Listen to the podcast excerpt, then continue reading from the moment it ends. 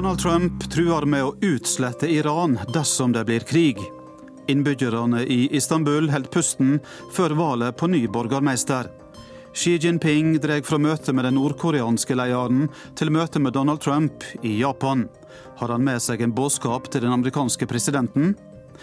Vi skal møte Ghanas svar på Greta Thunberg og Amanda Knox, som arbeider med å hjelpe andre som blir utsatt for justismord. Guri Nordstrøm takker for seg som korrespondent i Berlin, og podkasten Krig og fred ser i spenning fram mot at valgkampen i USA starter for alvor. Dette er Urix på lørdag, i studio Eivind Molde. Den amerikanske presidenten Donald Trump truer med å utslette Iran dersom det skulle bryte ut krig mellom Iran og USA. Men han sier også at han ikke har noe ønske om krig. Han sa dette i et intervju med TV-kanalen NBC i går kveld. Is, like before. Litt uh, ulike signal fra presidenten her. Hvordan skal vi tolke dette, utenriksmedarbeider Morten Jentoft? Ja, eh, Interessant eh, er det jo det at eh, han sier at eh, det var altså ikke så nært et angrep som de første meldingene tydet på i eh, går. Da var det jo rykter om at flyene var i luften, og at Donald Trump stoppet dem ti minutter før de skulle gå til, til angrep. Så vi kan jo tolke dette som om man fra Donald Trump Sin side da, forsøker, bevisst eller ikke, å roe ned eh, situasjonen eh, noe. Men eh, samtidig så er det jo en kraftig ordbruk her. Det at han sier at han nærmest vil utslette Iran, det kan jo tolkes som om amerikanerne også i ytterste konsekvens er villige til å bruke masseødeleggelsesvåpen da, mot Iran. Et mål fra amerikansk side har jo hele tiden vært å stoppe dette iranske atomvåpenprogrammet, eller atomprogrammet. Ja, så Hvordan er da reaksjonen reaksjonene i Iran nå? Ja, eh, Det har ikke vært så veldig mye eh, på morgensiden, men en eh, talsmann for det iranske utenriksdepartementet, Abbas Mosavi, han sier det at man da ikke vil akseptere noen som helst slags krenkelser av Irans grenser, og man vil da møte enhver form for aggresjon eller trusler fra amerikansk side. Det tyder jo på at man fra iransk side da vil møte et angrep med den type angrep som de kan eh, få til. Eh, det er klart Militært sett så er jo Iran helt underlegen den moderne amerikanske militærmakten, men de har kanskje andre måter å angripe amerikanske interesser på. USA har bedt om møte i Tryggingsrådet over helga. Hva kan, hva kan komme ut av det? Ja, det interessante er jo da hvordan denne konflikten vil bli tolket eller møtt da i en internasjonal kontekst. Både fra russisk og kinesisk side har man jo i sterke sterke ordelag advart amerikanerne om et angrep mot Iran. Fra russisk side har man også sagt at man er villig til å hjelpe eh, Iran når det gjelder salg av olje på det internasjonale markedet, med finansieringen av salg av olje. Sånn at dette vil jo umiddelbart da bli trukket inn i en storpolitisk kontekst. Og fra eh, andre stormakter som Russland og Kina så vil jo eh, de amerikanske påstandene om at det er Iran som er den aggressive parten her, bli møtt med, med, med kritikk. Takk skal du ha, Morten Jentoft. Så skal vi til Istanbul, der de 16 millioner innbyggerne holdt pusten dagen før kampen om borgermesteren skal avgjøres for andre gang på tre måneder. I vår vant opposisjonen Tyrkias viktigste by, etter at regjeringspartiet AKP hadde kontrollert byen i 25 år. President Erdogan aksepterte ikke nederlaget og kravde omkamp. Opposisjonen sin kandidat, Ekrem Imamolo, ligger an til å vinne igjen i en valgkamp der vilkårene er svært ujevne. Korrespondent Sissel Wold følger valgkampen. Vi sitter inne i en forsamlingshall i Uskudar, en bydel på Asiasiden. Rundt oss sitter kvinner med skaut og eldre menn med solide Stalin-barter. Mange unge har også samlet seg rundt de mange bordene. Vi er hos en organisasjon for kurdere som har flyttet til storbyen fra El Asi en liten by midt i Anatolia. Alle venter spent på at møtet med borgermesterkandidat Ekrem Imamolo skal begynne. Det summer av forventning. Jeg spør en kvinne med blått skaut over håret om hun tror at valget vil bli rettferdig denne gangen. Jeg håper virkelig dette vil bli det siste valget. For sist stjal de valget fra oss. Nå håper jeg at de aksepterer at vi vinner, sier Fatma.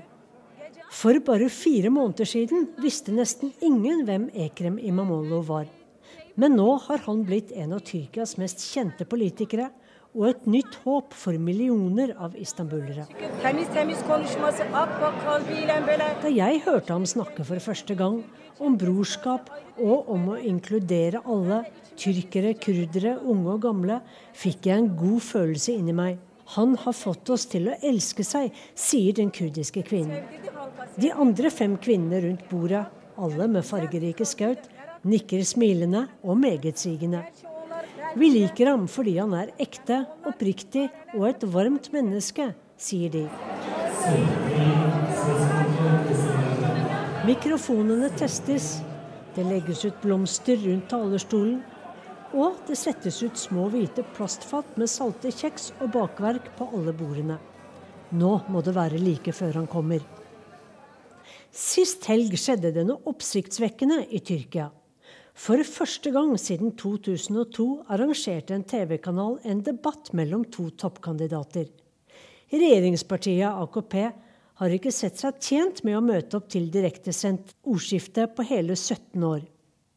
Men siden Ekrem Imamolo ikke inviteres til de tyrkiske TV-kanalene, som stort sett kontrolleres av AKP, insisterte han på å få møte motkandidat Benali Gildrim til debatt, og slik ble det. To dager senere slapp Imamolo også til på den statlige kanalen TRT, der Gildrim får ubegrenset med sendetid. Noe Imamolo kommenterte. Hvorfor har dere ikke invitert meg før nå? Hvordan kan det være rettferdig? Eller jobber dere etter ordre? spør Imamolo på direkten. Programlederen stotrer og svarer at intervjuobjektene selv må sende inn søknad og spørre om å få komme på TV. Ekrem Imamolo driver sin valgkamp på sosiale medier. Der kommuniserer han direkte med sine ti millioner følgere på Twitter og Instagram. Som når han ønsker studentene lykke til med eksamen. Gençler, Ungdommer, hvordan står det til? Jeg kysser dere alle på hendene og ønsker dere lykke til med eksamen. Husk at bror Ekrem alltid vil være der for dere, og vi skal gjøre flotte ting sammen i dette landet i fremtiden. Jeg elsker dere masse, og Alt kommer til å bli veldig flott. Imamolos politikk handler mest om sosiale velferdspakker til fattige, økonomiske fordeler til barnefamilier, billigere buss- og trikkebilletter for studenter, solcellepaneler over parkeringsplasser og en grønnere by, for å nevne noe. Og siden han ikke når ut via tyrkiske medier, bestemte han seg for å møte så mange som mulig av Istanbuls 16 millioner innbyggere personlig. Derfor kommer han snart inn døren til samfunnshuset her i Uskudar. Eller noe skjer på utsiden. Folk begynner å forlate samfunnshuset. Utenfor står folk tett i tett, og når vi endelig ser noe, skimter vi den hvite valgkampbussen til Imamolo. Den er omringet av så mange mennesker at borgermesterkandidaten ikke greier å komme seg ut av bussen og inn i samfunnshuset. Og det ender med at han må gå opp på busstaket for å snakke til folk. Han ser forbløffende opplagt og glad ut til å ha vært i valgkampmodus og under et voldsomt press i nesten fire måneder. Jeg beklager at jeg ikke kan komme inn i samfunnshuset deres, og at jeg må stå her. Det har vært en intens valgkamp, men jeg får så mye energi av all kjærligheten dere viser meg, sier han smilende og blåser slengkyss over folkemengden. Så ber han alle bestemt om å si fra til alle naboene sine, familien sin og venner at alle må gå og stemme på søndag. Sissel Wold fra Istanbul.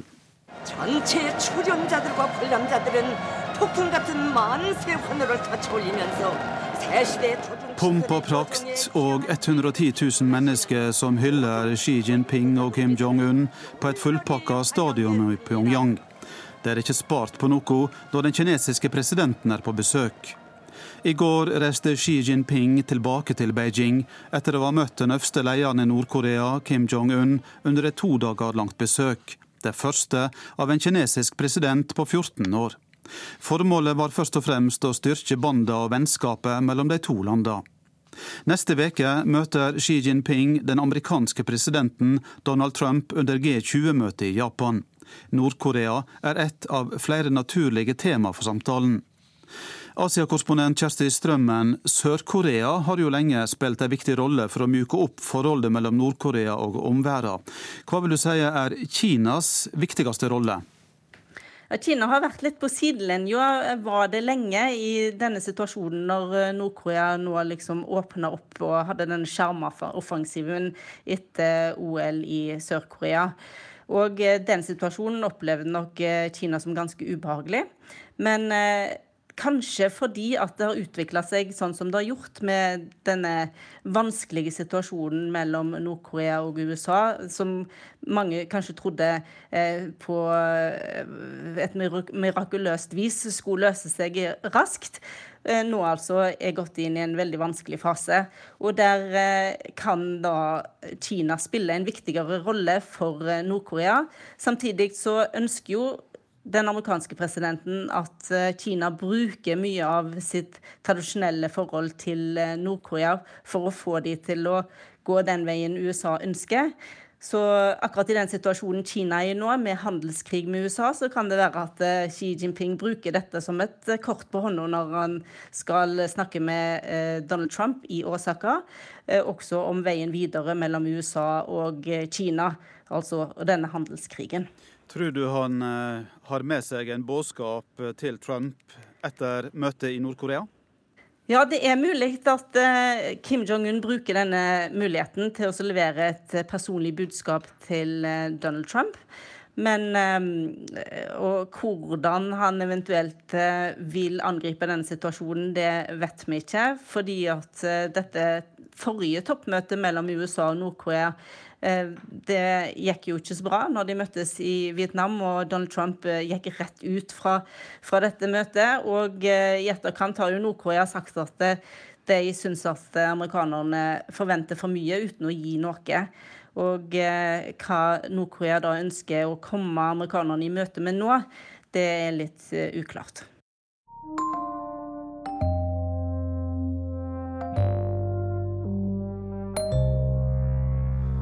Fire år etter at hun ble frikjent for drapet på romvenninna Meredith Kircher, var Amanda Knox tilbake i Italia for første gang. For tolv år siden rysta rettssaka verden, og pressa fråtsa i seks drap og sensasjonelle avsløringer om den da 20 år gamle jenta som bare ble kalla Foxy Noxy. Nå arbeider hun med å hjelpe andre som blir utsatt for justismord, og som blir førehåndsdømte i pressa. Det så ikke ut som mye hadde forandret seg fra forrige gang hun var på en flyplass i Italia. Pressefotografen og journalistene nærmest spente ben på hverandre for å få de beste bildene og Amanda Knox til å si noen ord. Men i virkeligheten hadde alt forandret seg. No kan can really explain the exact sequence of events that unfolded here at the house last November. Amanda Knox and her ex-boyfriend face murder and sexual violence charges in connection with the death of 21-year-old British student Meredith Kircher. Well, the house where Meredith was murdered still holds its secrets.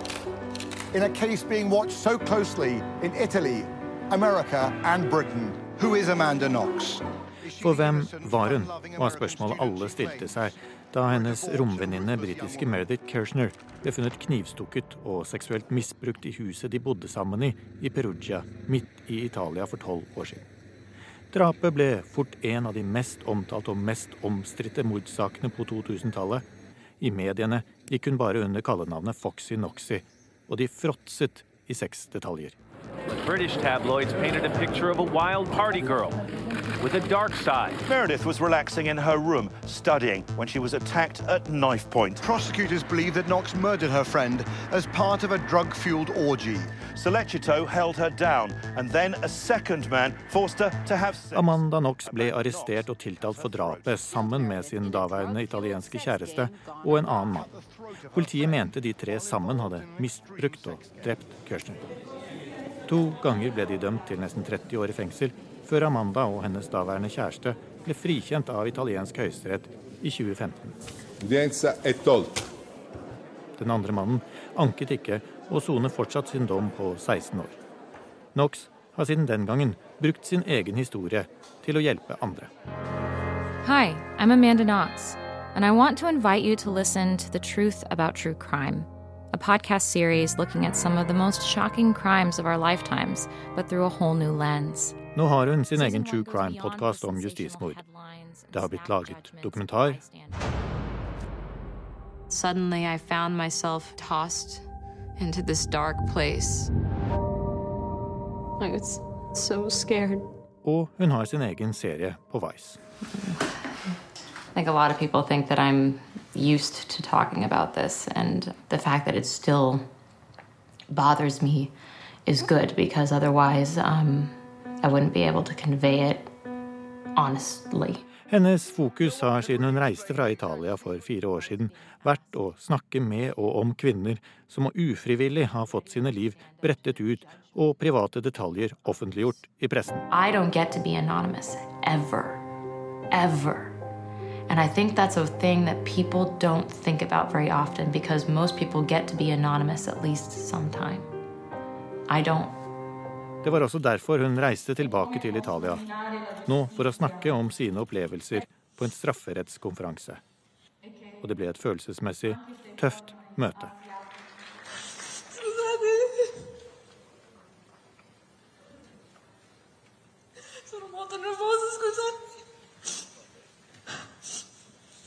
Etter en liten pause samlet hun seg, og på flytende italiensk fortalte hun om hvordan hun hadde blitt fremstilt som psykopatisk, skitten og en neddopet hore av aktor og av pressen. Ero una furba, psicopatica, sporca e drogata puttana.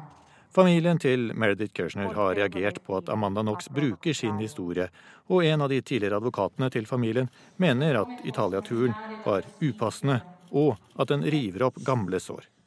Selv mener Knox at hun ønsker å rette søkelyset på de som opplever å bli forhåndsdømt i mediene, og vil hjelpe andre. Og hun er helt uenig i at hennes jobb krenker Meredith Kirchners minne. e profanando la memoria di Meredith. Si sbagliano. Reporter her var Christian Aanensen.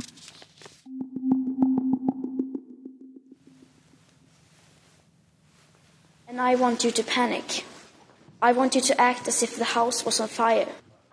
But when your house is on fire and you want to keep your house from burning to the ground, then that does require, require some level of panic. Dette er en stemme vi har hørt mange ganger det siste året. Skoleeleven og klimaaktivisten Greta Thunberg legger ingenting imellom når hun utfordrer politikerne om kampen mot klimaendringene. Hun har inspirert tusenvis av unge over hele verden til å demonstrere med krav om sterkere innsats. Denne veka starta en ny runde med klimaforhandlinger i Bonn. FNs klimasjef Patricia Espinosa trekte fram nettopp ungdommen sin innsats. The youth are sending a clear and unmistakable message that this is an emergency, and I'm very grateful for that. Over hele verden dropper altså ungdommer skolen for å demonstrere og krever sterkere innsats mot klimaendringene. Engasjementet har også spredd seg til det vestafrikanske landet Ghana, der det har vært arrangert en rekke demonstrasjoner for klimasaker i hovedstaden Accra. NRKs Afrika-korrespondent har møtt miljøaktivist Ellen Lindsay, som blir kalla Ghanas svar på Greta Thunberg. Ellen Lindsay lukker det ene øyet og ser inn i kameralinsa med det andre. Hun zoomer inn og tar bilde av to jenter som lager pynt av søppel på en barneskole i Ghanas hovedstad Accra. Ellen skal lage en artikkel om de miljøbevisste elevene, og håper den kan få flere av byens innbyggere til å tenke seg om når de kaster fra seg søppel. Every time if I walk by somewhere and I see Hver gang jeg ser søppel på gata, blir jeg så lei meg fordi jeg tenker på hva klimaendringene har ført til, sier Ellen. De store, svarte krøllene danser rundt ansiktet når hun forteller engasjert om demonstrasjonene hun har arrangert for ungdommer i Ghana. På den grønne T-skjorta hennes står initialene til miljøprogrammet hun leder, som heter Young Reporters for the Environment. Ellen blir kalt Ghanas svar på Greta Thunberg, og deler synspunktene til den svenske jenta som har fått skoleelever til å streike for klima over hele verden. What Greta is doing, so she is saying that this is an emergency. We need to treat it as that. Greta Thunberg sier at verden må ta miljøkrisen på alvor, og det mener jeg også. Vi må handle nå, sier Ellen. Ghana er et av landene i verden som sliter mest med plastforsøpling, og strendene langs kysten er fulle av plastikk og annet avfall. Landet produserer over 300 tonn plast hver dag, og 80% blir ikke samlet inn og behandlet på en ordentlig måte. Tusenvis av plastflasker kildesorteres i et av de få resirkuleringssentrene i Akra. Hos Green Recyclers like utenfor hovedstaden kan innbyggerne levere søppel og tjene rundt 60 øre per kilo. Ghanas president Nana Akufo-Addo har lovet at Accra skal bli Afrikas reneste by innen hans første presidentperiode er over i 2020. Men mye må gjøres for det målet er nådd. We can put in all the policies, we can put in all the measures to ensure that we achieve that. But the people, someone says, the waste don't just appear. Det hjelper ikke med fine løfter dersom folket ikke tar ansvar. Det er innbyggerne som må endre holdningene til hva de gjør med avfallet sitt, sier Kristine Akwaboa. Hun jobber i miljøorganisasjonen Environment 360 og er på besøk på resirkuleringsstasjonen for å følge opp arbeidet som gjøres her. we have to change our mindset, we have to join hands, know that we can do it only when we work together. We can only achieve this when we join forces. Know that we are pushing the agenda together because at the end of the day, it's for all of us. På vei tilbake til Accra kjører vi forbi kuer som gresser på store søppelhauger, og elver overfylt av plast. Store skilt langs elvebredden informerer om at det er forbudt å kaste søppel i vannet, men det er det visst ikke så mange som bryr seg om. Tilbake på skolen er elevene ferdig med å lage bruksting av søppel for i dag. 14 år gamle Beatrice Aido syns det er trist at mange av innbyggerne i Accra ikke tenker mer på miljøet, slik som hun har lært å gjøre på skolen. It's very disastrous, honestly speaking. I mean, if you look around you, left to right, there's garbage everywhere. And whenever it rains heavily, even for 30 minutes, there's a there's flood. As long as I'm concerned, the environment is my responsibility, as I am interdependent on the environment. And moreover, if I want to survive, Miljøet er mitt ansvar, fordi jeg er avhengig av å ta vare på det for å overleve. Det er alt jeg har, sier Beatrice. Når hun blir voksen, vil hun bli president av Ghana, slik at hun kan gjøre landet mer miljøvennlig. Exactly I want to be a politician. I want to lead the country, I want to help everybody out. I know it's going to be in the future, but I have that aim to help everyone out. Ghanas svar på Greta Thunberg, Ellen Lindsay, er ferdig med å ta bilder i klasserommet. The young people make up a majority of, uh, of the world's population, especially for Africa and for Ghana. So what this implies is that it's basically is, is our role to play. And uh, young people are very passionate. They have a lot of energy. Ungdommen i Ghana har mye energi, og de får til det de bestemmer seg for, mener Ellen. Ungdomskullene i Afrika vokser raskt, og det anslås at det vil være dobbelt så mange unge under 24 år på kontinentet i år 2050. Ellen mener de unge virkelig kan få til det de vil, og at de kan gjøre noe med klimaendringene i verden. If they set their mind to something, they make sure they achieve it. And so I think that young people have all that it takes to be able to achieve whatever they want, all the goals they want, especially in regards to the environment and the sustainable development goals as well. Anything they set their minds to, they have the skills, they have the talent, they have the energy, and they have the time, and we can do it. Ida Dalbakk hadde møtt Ellen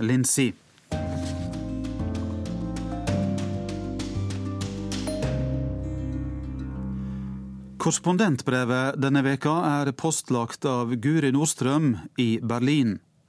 Etter fire år og tre måneder avslutter hun nå jobben som europakorrespondent. Skal du på sikkerhetskurs? Trenger du det, da? Skal ikke du rapportere fra Europa og bare stå og snakke i drakt på konferanser? spøkte en kollega til meg da jeg fikk korrespondentjobben i desember 2014. Sikkerhetskurs er noe alle som jobber ute i felt for NRK må ta. Det går over flere dager og innebærer undervisning i bl.a. alt fra førstehjelp og navigering til hvordan man bør opptre under kaotiske situasjoner, demonstrasjoner i store folkemengder og gisselsituasjoner.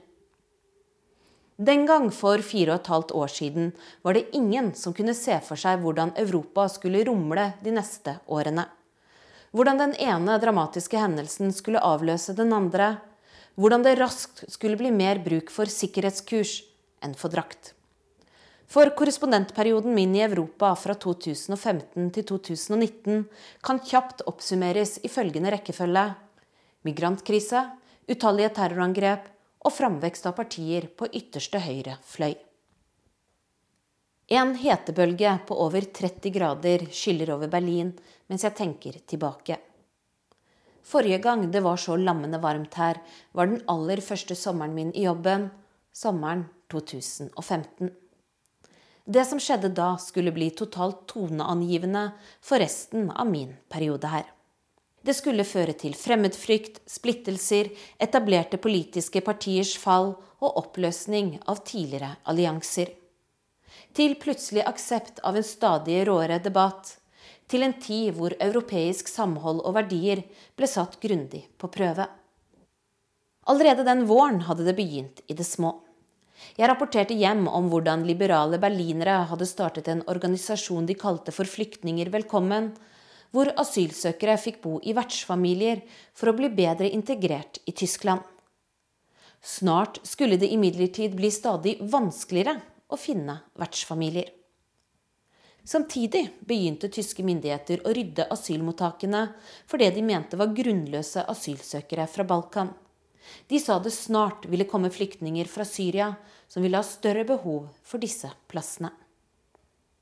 På sensommeren 2015 smalt det. 71 mennesker ble funnet døde i en forlatt lastebil på motorveien ved Eisenstadt i Østerrike. Det viste seg at de var flyktninger fra Syria, stuet sammen på 15 kvadratmeter og forlatt av menneskesmuglere til en langsom kvelende død, stengt inne på et glovarmt lasteplan, mens trafikken av europeiske turister suste intetanende forbi på motorveien. Da vi kom fram, ble lastebilen som var kamuflert som en kyllingtransport, undersøkt av politiet. De hadde funnet en rekke mobiltelefoner som de håpet kunne hjelpe til å finne identiteten til de døde. Drømmen om Europa var brutalt redusert til en stank av lik. Denne uka, fire år etter, startet ankesaken mot fire menn som er tiltalt i Ungarn. De ble dømt til 25 års fengsel for menneskesmuglingen i fjor, men aktor mener de må få livstidsdommer. For dette var langt ifra den eneste lastebilen med mennesker på flukt som kom den sommeren. Noen var heldige, som brødrene Jodi og Loai, som jeg møtte i en landsby like ved. De fortalte at de hadde betalt 16 000 euro for reisen fra Syria, hvem som hadde kjørt lastebilens siste etappe fra Ungarn til Østerrike, ante de ikke. Sjåføren hadde brukt maske slik at de aldri skulle kunne peke ham ut. Det viktigste for dem var at de hadde overlevd, og nå delte et dobbeltrom på et pensjonat som var gjort om til et provisorisk asylmottak. Der hadde de hengt opp tyske gloser på veggen. De ville lære seg språket og integreres så raskt som mulig. De fleste var imidlertid ikke kommet så langt nord. Det store flertallet hadde strandet utenfor jernbanestasjonen i Budapest, der en rekke av bevæpnet ungarsk politi holdt vakt døgnet rundt utenfor stasjonen, slik at ingen uten europeisk pass skulle kunne ta tog videre inn i Europa. Dagene og nettene gikk. Spedbarn så på åpen gate. Noen få frivillige organisasjoner bisto med mat og akutt helsehjelp men stort sett var det trengsel, kaos og uvisshet rundt hvor lenge dette ville vare. EU sto på stedet hvil. Jeg traff to jenter fra Damaskus på ni og ti år. De hadde med seg tegnesaker og brukte tida til å sitte på asfalten og tegne det de ønsket seg aller mest det tyske flagget. Drømmen om Deutschland var de ikke alene om. Det var det alle svarte på spørsmålet om hvor de ville. En tysk avisjournalist sa til meg helt fortvilet det gjør meg egentlig bare trist å se at de har så store forventninger til Tyskland. Jeg er slett ikke sikker på at de vil få det så bra der. Jeg skjønte ikke hva han mente da, men jeg skulle skjønne det for fullt i årene etterpå. Uansett, det er viktig å minne om at det var denne akutte situasjonen som var bakteppet da Merkel i september 2015 til slutt grep inn med sine tre berømte ord Wir schaffen das. Vi klarer det. Og så åpnet grensene i et uvanlig framoverlent øyeblikk til henne å være. Et øyeblikk som har fått analytikere til å fundere side opp og side ned om hva som egentlig gikk av den til vanlig så ettertenksomme og langsomme kansleren, som hadde bygd sin popularitet og tryggheten rundt sin figur på å være det stikk motsatte av spontan. Var det kanskje den kristne oppdragelsen som nå slo ut i et barmhjertighetens øyeblikk, og som fikk strategisk og kalkulert politikk til å vike, spurte mange seg. Flere mente i hvert fall at Merkel med dette slo den første spikeren i kista for sin politiske karriere. Andre derimot sa at hvis dette var et feiltrinn, så var det i så fall et av historiens vakreste og mest medmenneskelige feiltrinn. Titusener av migranter og flyktninger tok landeveien fatt og gikk nordover etter Merkels uvanlige klare tale. Først hils velkommen med blomster, ballonger og heiarop når de krysset grense etter grense. Deretter ble entusiasmen byttet ut med skepsis og frykt, i takt med at mottaksapparatet brøt sammen. Deretter ble skillet mellom øst og vest i EU tydelig forfulgt i saken om hvordan asylsøkerne skulle fordeles.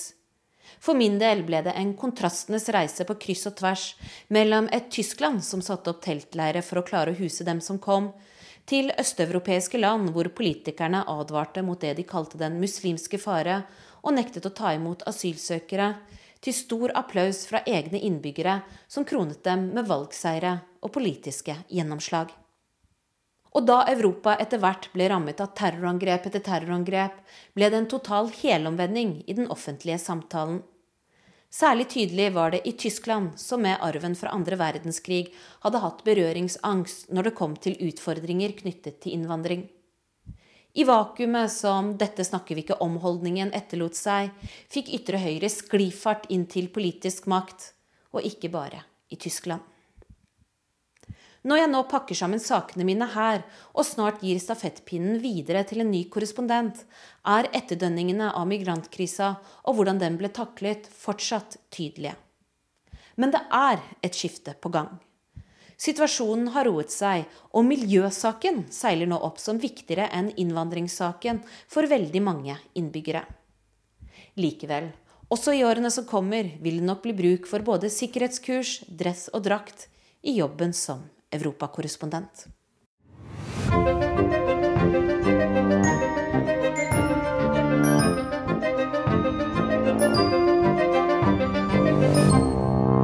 Det er tid for podkasten Krig og fred, som denne veka ser fram mot det som skal skje førstkommende torsdag og fredag. Da starter nemlig valgkampen i USA for fullt, med de to første debattene mellom demokratene sine mange utfordrere til Donald Trump. Tove, du sitter her og hopper omtrent, du. Ja!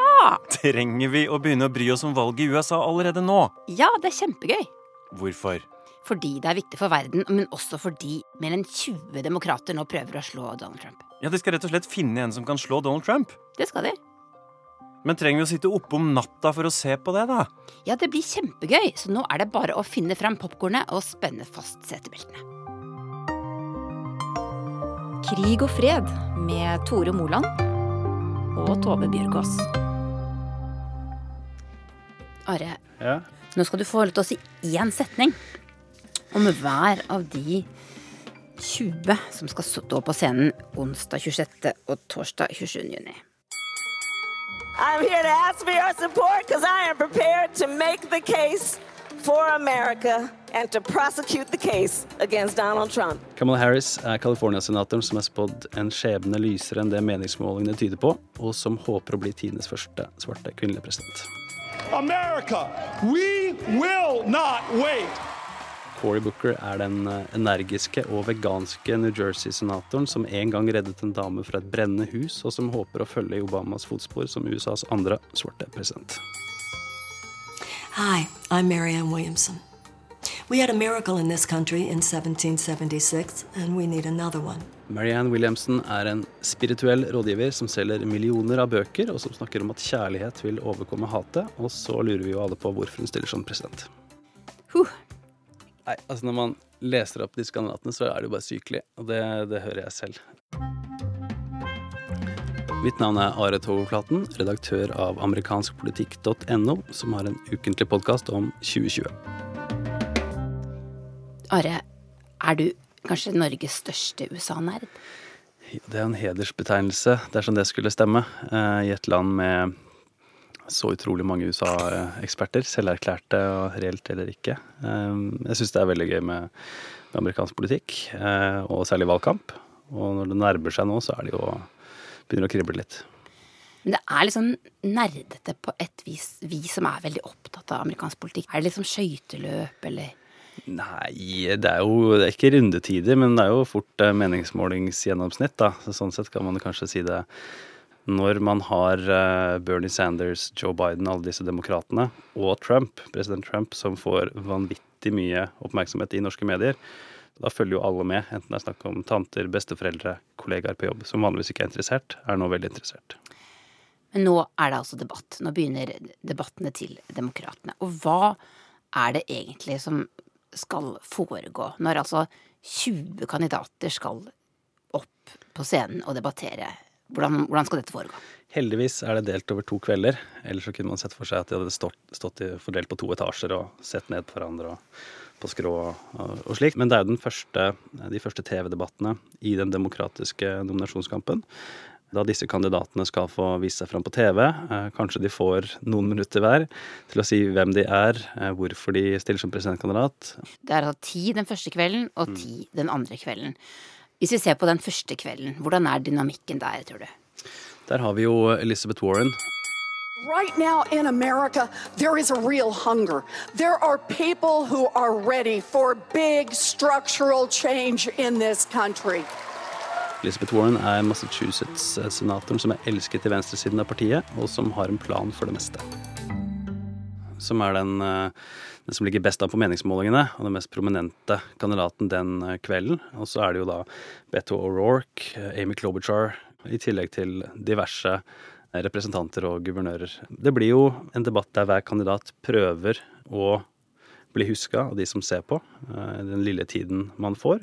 Og det er en meget gyllen mulighet for, for flere av disse, som jo naturlig nok sliter med å få oppmerksomhet i mediene in our nation's heartland. At a time when we must heal the heart of our democracy. Amy Klobuchar er den populære, nokså moderate Minnesota-senatoren som kunngjorde sitt kandidatur i en snøstorm. And it's time for a new commitment to make sure that the opportunities that I've had are available to every American. Julian Castro er feltets eneste latinamerikanske kandidat med bakgrunn fra Obama-administrasjonen og som eh, borgermester av San Antonio, Texas. Og så den andre kvelden, hva skjer da? Den andre kvelden er det jo da Joe Biden, som er tidligere visepresident, som da står Jeg vet ikke om han blir stående midt på scenen. Det ville vært naturlig å plassere ham der. Um, men han møter jo da Bernie Sanders, uh, Kamala Harris, Pete Buttigieg uh, samt flere andre. I believe Democrats want to unify this nation. That's what our party's always been about. Joe Biden er den moderate forhåndsfavoritten som var Obamas visepresident, og som med sine 78 år kan bli tidenes eldste president. If there was ever a moment when we needed to stand up and fight against the forces of oligarchy and authoritarianism, this is that time. Bernie Sanders er en gammel, uavhengig senator fra Vermont som stiller som en demokratisk sosialist med håp om å gjøre det han ikke klarte i 2016, overvinne partiets moderate forhåndsfavoritt.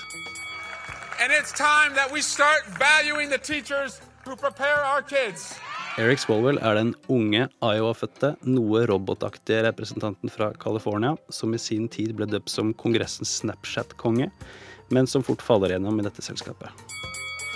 America is ready, and I know I'm ready. John Hickenlooper er den moderate tidligere guvernøren av Colorado med bakgrunn fra bardrift i Denver, som ble buet i California da han sa at sosialisme ikke er svaret for demokratene. Eh, hvordan vil utfordrerne til Biden takle han, som er en frontrunner som leder på meningsmålingene og i oddsmarkedene? Og hvordan vil han takle å være tilbake på den store scenen? da? Fram til nå har han eh, hatt en litt mer tilbaketrukken rolle i valgkampen enn mange andre. It is our moment to solve America's most daunting challenge, so that is to defeat climate change. Jay Inslee er guvernør av delstaten Washington, som har hovedfokus på klimasaken, men som sliter med å selge seg selv.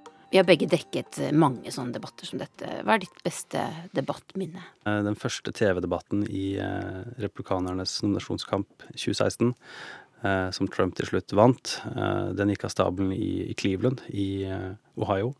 Og jeg kom også inn der publikum satt i den debatten det var ganske, ganske så fascinerende med, med, litt buing her og der. Og de, de debattene vi fikk oppleve i, i 2016, er nok noe vi eh, heldigvis kanskje ikke får oppleve den gangen her. Hvor barnslig mye av det var, da. Uh, mye av det kom fra Trump, men mye av det kom også fra andre som prøvde å, å utfordre, utfordre Trump.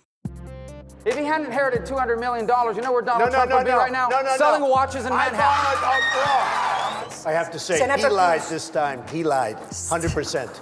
100%. Senator, you lied about the Polish workers? Yeah, yeah, yeah, yeah.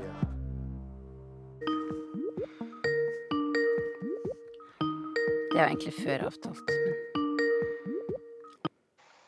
Hello? Can you hear me? Hello? Alex? Hello? Yep, my name is Alex Conant. I'm a partner at Firehouse Strategies. I was Marco Rubio's communications director when he ran for president. So, what did you say to Marco Rubio uh, back in, in, in 2015? I guess is when the first debates where there were 17 candidates back then, so almost the same yeah, number. I mean, we, we try to we try to predict what the questions are going to be, and then you want to figure out who you're really running against. There might be a lot of candidates on the stage, but at any given moment, there's probably only two or three that you're really worried about. So you want to make sure that you have good lines of attacks for for those candidates and good responses in case they attack you. It, it takes a lot of practice. Uh, it's the only time when you have a big national audience and they're comparing you directly with the other candidates. So you have to prepare for it. And how did you prep for Donald Trump? Well, Donald Trump's hard to prep for because he is so hard to predict. Uh, we were just talking about how he tried to predict what the questions and answers are going to be uh, but Donald Trump, you never know what he's going to say. So for Trump, for the first couple of debates, frankly, we just tried to ignore him and we tried to stay focused on our own message. As he as it became more clear that he was going to he was the leader, we really had to sharpen some of our attacks on him, and, and we went after his record. Mark Rubio did pretty well for a while there. Uh, do, do you remember like one of the times you were really happy with, with, with his performance on stage? Sure, I remember the exact moment. Uh, one of the debates was in Colorado. I believe it was the September debate in 2015. Uh, and Jeb Bush's campaign had really been stepping up their attacks on Marco in the days going into the debate. So we anticipated that that Bush would try to attack Marco on the stage, and, and he did. But Marco, when you signed up for this, this was a six-year term. You can campaign or just resign and let someone else take the job. Uh, he, he went right after Marco, saying that Marco wasn't was missing too many votes. It was an attack that we had anticipated, and Marco had a really good response ready to go. I get to respond, right? 30 seconds. 30 right. seconds. Someone has convinced you that attacking me is going to help you. Well, I've been. Here's the bottom line. I'm not. My campaign is going to be about the future of America. It's not going to be about attacking anyone else on the stage. I'm not running against Governor Bush. I'm not running against anyone on the stage. I'm running for president because there is no way we can elect Hillary Clinton to continue the policies of hey, Barack Obama. It was a really devastating counter punch on Jeb Bush, who, whose campaign really never recovered from it. So let's look at the Democrats now. Is there one of these candidates that you think is a really good debater? We'll find out. Uh, I think Beto O'Rourke is is is a very good communicator. As I said, I think he's been underestimated by the field a little bit so far. And Pete Buttigieg, who's been doing a lot of media inter- interviews, uh, there's high expectations that he'll be a very good debater. I belong to the generation that provided a, a lot of the troops for the post 9 11 conflicts, the generation that's going to be on the business end of climate change. Pete Buttigieg er den norsktalende borgermesteren fra South Bend, Indiana, med oppretta skjorteermer og bakgrunn fra Harvard og Afghanistan, som ikke bare kan bli tidenes yngste president, men også den første åpent, i parentes kanskje, homofile. Let's remove every barrier in place, a new Voting Rights Act for this country. No more purges of the voter rolls or voter IDs to keep people out. O'Rourke er mannen som nesten slo Ted i senatsvalget i Texas, og som trives best på toppen av en bardisk med store ord, store gestikulasjoner og en mikrofon i hånda. But uh, these debates are, are not like your, your typical high school debates where it's one on one. It's it's one person on the stage with nine others, and it's less about having a good a, a good point or countering somebody else, and more about saying something that really leaves an impression on voters uh, that they're talking about the next morning. Is it also a lot of entertainment? Everything about presidential politics is entertainment. I think that's how we ended up with with Donald Trump. Uh, it, people are tuning in those to those debates, and you know they might be drinking a glass of wine, having some popcorn. Uh, there, there's certainly an entertainment factor to it. It's, it's not all serious. We now know the matchups. Who will face off on each of the two nights of the first Democratic primary debates, hosted by NBC News. Det er TV-selskapet NBC som har sikra seg den første demokratiske debatten. På scenen står 20 kandidater, fordelt på to kvelder. Og foran dem sitter ikke én, men fem debattledere. En av dem er den ganske politiske talkshow-verten Rachel Maddow, kjent for å stille lange spørsmål med egne meninger. Her sier hun f.eks. til Kamala Harris at hun kanskje tror det er hun som kommer til å vinne. You are going to be a formidable contender. I, I will just say honestly, I think there's a good chance that uh, you are going to win the nomination.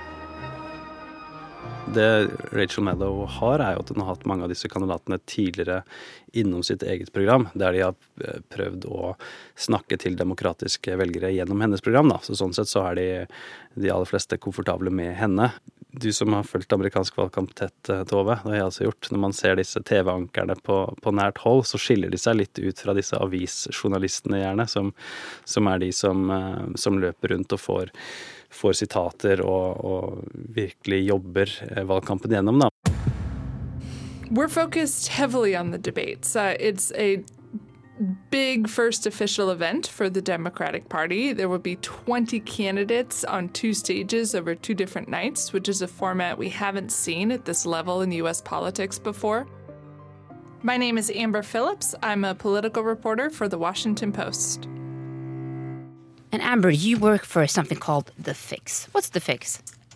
The Fix is a nonpartisan politics blog analyzing U.S. political news. Um, anything that's big in the news, we want to help contextualize it and explain why it's news and, and analyze whether that news might be good or bad for the people involved, politically speaking. And what are you going to be, be focusing on when you watch these 20 candidates? So I'm really interested to see um, how that format changes the way U.S. political debate works. I'm also interested in the fact that we have a record breaking number of female candidates running for president uh, on the debate stage, six in total. That's a big deal. Now is not the time to be polite. Now is not the time for small steps. Now is the time to fight like hell. Kirsten Gillibrand det er New York-senatoren som tok over setet til Hillary Clinton, som har slitt med å få oppmerksomhet. Stand up against powerful politicians from both parties who sit in their ivory towers, thinking up new wars to wage, new places for people to die. Tulsi Gabbard er kongresskvinnen med militærbakgrunn fra Hawaii som støttet Bernie i 2016 I've also heard people talk about things like that some of these candidates, for instance, Kirsten Gillibrand, that her voice is too high pitched, or that that Elizabeth Warren is too angry, or, and that is different when you're a woman than, than if you were a man. Hillary Clinton also talked about this a little bit, that she had to behave differently because she was a woman. Do you agree with that? Research shows that Hillary Clinton was partially right when she said she had to behave differently because she is a woman. What we're hearing this time around in 2020 is exactly what you said. There are critics, um, perhaps potential voters, asking whether these women can win because. In part, are they likable enough? Which is a big sort of red flag for questioning whether a woman whether a woman's gender matters when she's running for office because research shows that voters will vote for a man in America, even if they don't like him, but they, they think he's the best candidate or the right party. They need to like a woman before they can vote for her. So, questions like Is she likable enough? Is her voice too shrill? Is she too angry? Uh, is she wearing the right clothes? are all red flags for this broader question of is a woman being treated differently running for office than a man? And the answer so far in American politics has been unequivocally yes, women have to meet different standards than men. And what can we do about that? The experts I've talked to who study this research and, and advise women behind the scenes in politics say that we need to do what's happening right now, which is a bunch of women running for office at the highest levels. Uh, Elizabeth Warren, in particular, is is one of the top tier polling candidates.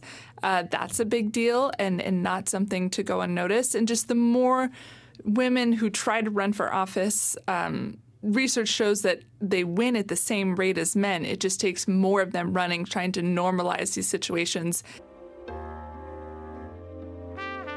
First, we do Make America Great Again. Then we do Keep America Great. Let me hear it. Ready? Make America Great Again. President Donald Trump lanserer sin kampanje for å bli gjenvalgt i Florida. På republikansk side er han foreløpig fullstendig uten konkurranse i feltet for 2020. Og statistisk sett burde han også ha gode muligheter til å bli sittende som president. For det går jo så bra med økonomien.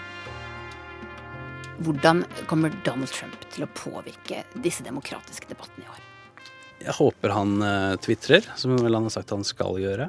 Um, og så blir det vel noen kallenavn her og der. Han har allerede prøvd seg med noen prøvd ut noen kallenavn på ulike kandidater. Så det blir vel mer av det. You sort of dream about competition like that, but who knows? We have a young man, Boot Edge Edge. I got Boot Edge Edge representing us against President Xi of China. That'll be great. Men så er jo en debatt som går på om han trekker fram kandidater han faktisk er redd for, eller om han trekker fram de kandidatene han mener han har best sjanse til å slå, mens han later som det er de de vanskeligste å slå. Joe Biden eh, topper jo den lista, der man er litt usikker på hva han faktisk eh, tror. You had a choice between Sleepy Joe and Crazy Bernie. I don't know what the hell happened to Biden. Sleepy person said that he heard from a lot of foreign leaders and they want him to be president. Of course they do. So they can continue to rip off the United States, of course. And Bernie, you know, Bernie's crazy. Alex Conant, what do you think Trump is thinking right now? I think we know Trump's watching this very closely. He talks about the Democratic candidates constantly. He tweets about them. I, you know, I think he's hoping that they nominate the weakest candidate in in the race. Yeah, who he's attacked Elizabeth Warren a lot. I think he views Warren as very flawed. I think he's a little worried about Joe Biden. You know, Republicans who don't necessarily like Trump, uh, but really don't like socialism. I, I think Donald Trump is really hoping that the Democrats nominate a flawed left wing candidate uh, in order to get those types of voters out to the polls. And my daughter called me and she said, You got to do something. I'm going to run for president of the United States. Tim Ryan er representanten fra Ohio som utfordret Nancy Pelosi til lederskapet i 2016, og som snakker om og for Obama-Trump-velgere, men som få bryr seg om. Good thing about New Yorkers is they look the same whether they're really pissed off at you or they like you. We built an agenda that puts working families first. Billy Blasio er den høye New York-borgermesteren som få newyorkere skjønner hva har å gjøre på en debattscene i 2020-sirkuset. Uh, so, I'm Andrew Yang. Most of you, raise your hand if you know a whole lot about me. Andrew Yang han er da kandidaten som mangler politisk erfaring, men som kan vise til imponerende grasrotstøtte, økt oppmerksomhet for hans borgerlønn-policy og potensiell historieskriving som tidenes første asiatisk-amerikanske president. I have a tendency to tell the truth to the people I represent in Colorado. I want the chance to do that with the American people. Michael Bennett er Colorado-senatoren som omtaler seg som en pragmatisk idealist som ønsker mer fokus på konkrete løsninger og mindre show. Men du har faktisk en vanlig jobb i tillegg? En vanlig jobb i tillegg. Jeg har eh, kone, to barn, rekkehus i Drammen. Uh, Pussekatt, uh, fotballtrener. Så jeg har et, har et liv. Men, men hvor mye tid bruker du på dette? Nei, det blir jo kvelder og Netter og sånn? Netter og helger og sånn. Det som er kjipt med presidentdebatten, er jo tidsforskjellen. Gjerne... Det meste med amerikansk politikk er egentlig kjipt pga. tidsforskjellen. TV-debattene går midt på natta, og dersom man skal få med seg hva som skjer og si noe meningsfullt om det, så må man gjerne sitte og se det selv, ikke lese hva andre har skrevet om det. Så det er jo en tøff tid eh, norske USA-junkies går, går i møte.